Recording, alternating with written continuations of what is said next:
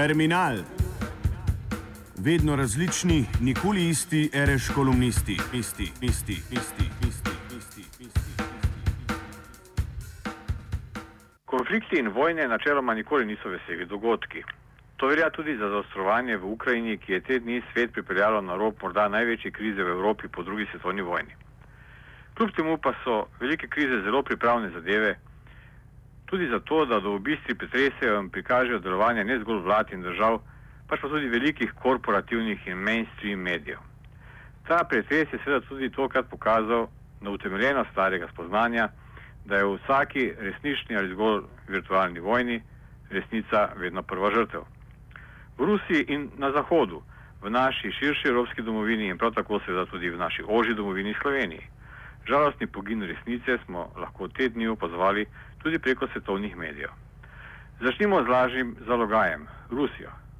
Ruski angliško govoreči kanal RT, ki je ob običajnih dnevih sicer zelo pripravno medijsko dopolnilo obrednem uživanju medijskih pripravkov večine zahodnih medijev, se je v ukrajinski krizi spremenil v neverjetno mešanico agit propa in pretiravan. Ravnanje ruskih oblasti v ukrajinski krizi je bilo seveda precej sporno vendar na tem kanalu razno ostre kritike Zahoda ni bilo mogoče srečati skoraj da nobenega drugačnega pogleda.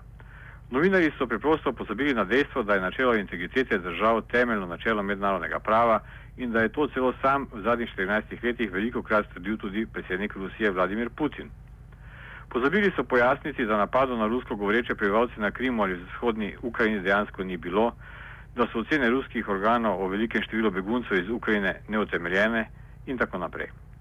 Prav zaradi te enostranske propagande sta na RTO dve novinarki naredili pogumno potezo in v kamere izpovedali, da v tem medijskem cirkusu ne nameravata več sodelovati. Liz Val je preprosto povedala, da so njeni predniki ZDA iz Mačarske zbežali pred ruskimi tanki in da ne more biti del medija, ki pere akcije Vladimirja Putina. Že predtem pa je Abby Martin ostro kritizirala rusko akcijo na Krimu in jasno dejala, da je to, kar dela Rusija, napačno. Vse to je v zahodnih medijih povzročilo val navdušenja. Obe kritiki sta postali kronski dokaz tega, kako napačna naj bi bila ruska politika in še posebej medijska prezentacija krize v Ukrajini in na Krimu. Toda Glenn Grenwald, ki je svetu razkril že celo vrsto Snowdenovih dokumentov o nezakonitem delovanju zahodnih obveščevalnih služb, je upravičeno upozoril, da na postaji RT svojim novinarjem, ki so odkrito povedali, da se ne strinjajo z uredniško politiko, vendar le niso dali odpovedi tako kot se je to zgodilo Filu Donehu, ki je delal za MSNBC in Petru Arnetu, zaposlenem v NBC-u, ki sta dobila odpovedi, ko sta izrazila svoje nestrinjanje z napadom ZDA na Irak. In ne samo to. Ta dva primera sta samo vrh ledene gore. Takoj po izgonu ukrajinskega predsednika Janukoviča je večina zahodnih medijev pričela z znanim enostranskim poročanjem, ki je bilo daleč od kakršne koli objektivnosti. Naenkrat ni bilo več pomembno dejstvo, da je opozicija, ki je prišla na oblast v samo 24 urah po prevratu, prekršila vse točke sporazuma, ki je, ga je podpisala s predsednikom države in s tremi evropskimi zunanjimi ministri. Člani opozicije, predvsem desničarskega pravega sektorja in desne stranke Svoboda, so kljub rasističnim izjavam, nacističnim simbolom in podpiranju nasilja bili opisovani kot nekakšne borce za svobodo. Janukovič je res avtokrat in kleptoman, to da istočasno je bil tudi izvoljen kot predstavnik ljudstva, ki je bil ostavljen nezakonito. Ob tem je nova oblast razrešila in ustrahovala še sodnike ukrajinskega ustavnega sodišča.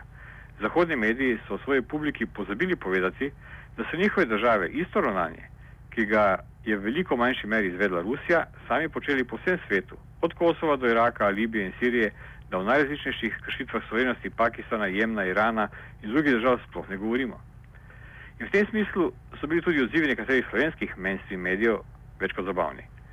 Nek komentator vodilnega medija je z molotovkami in puškami oborožene demonstrante v Kijevu primerjal z žrtvami Tiananmena, nek drug pa iz Krima, ki je 230 let bil v posesti Rusije in je bil v času Hruščova podarjen Ukrajini, poroča kot o okupiranem ozemlju in situacijo neresno primerja s Palestino in Zahodnim bregom. Predtem pa ti novinari pozabljajo na dve malenkosti. Namreč, da so na Tiananmenu vojaki pobijali neoborožene civiliste, medtem ko je bila se tretjina demonstrantov v Kijevu dobro opremljena in oborožena, ostrostrelce pa so, kot je pokazal razkriti pogovor med zunanjem ministrstvom EU in finskim zunanjim ministrom, v klasični operaciji napada na lastno zastavo izvedli kar morilci, najverjetneje angažirani strani nekdanje opozicije, ne pa Janukovič. In drugič, da si večina na Krimu preprosto ne želi imeti ničesar z vlado v Kijevu in da so v podobnih situacijah, naprimer ob razglasitvi neodvisnosti Kosova, slovenski mediji navdušeno pozdravljali takšno enostransko spreminjanje ene od mednarodnih meja v Evropi.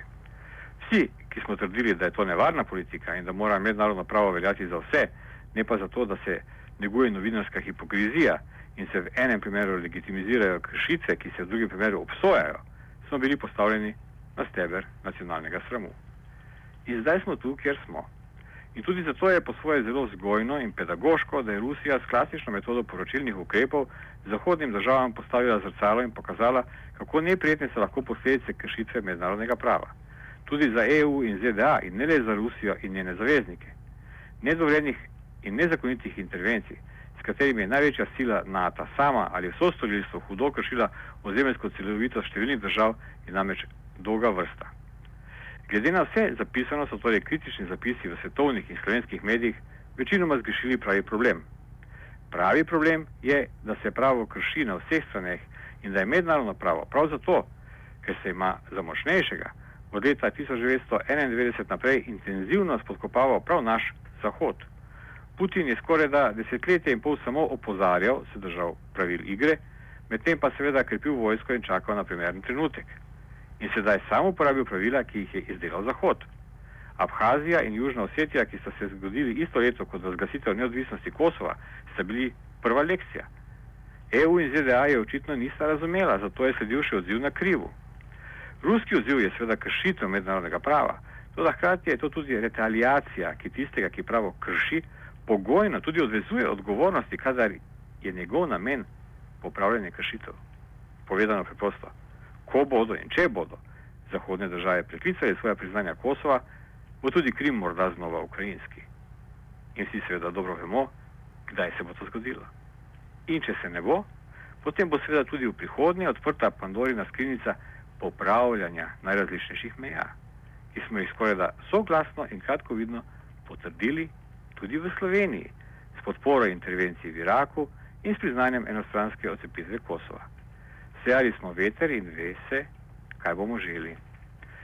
Novinarje, ki so nekritično pozdravljali vse ali pa samo nekatere enostranske intervencije ZDA, tudi tiste pod humanitarno nalepko humanitarnih intervencij, pa je seveda ob njihovih najnovejših obsodbah ruske akcije z besedami Žeralda Selentija res mogoče označiti samo kot prestitutke, ki zavestno in v skladu z zunanjimi politikami svojih držav izkrivljajo resnico. Svoboda in neodvisnost zahodnih medijev je zato iluzija in to je očitno tudi ob sramotno enostranskem in nekritičnem poročanju številnih slovenskih medijev. Celo ruski agitpropovski RT je v primerjavi z izdelki zahodnih medijev te dni s častnimi izjemami pravi svetilnik svobode. Terminali pripravijo Igor Mekina.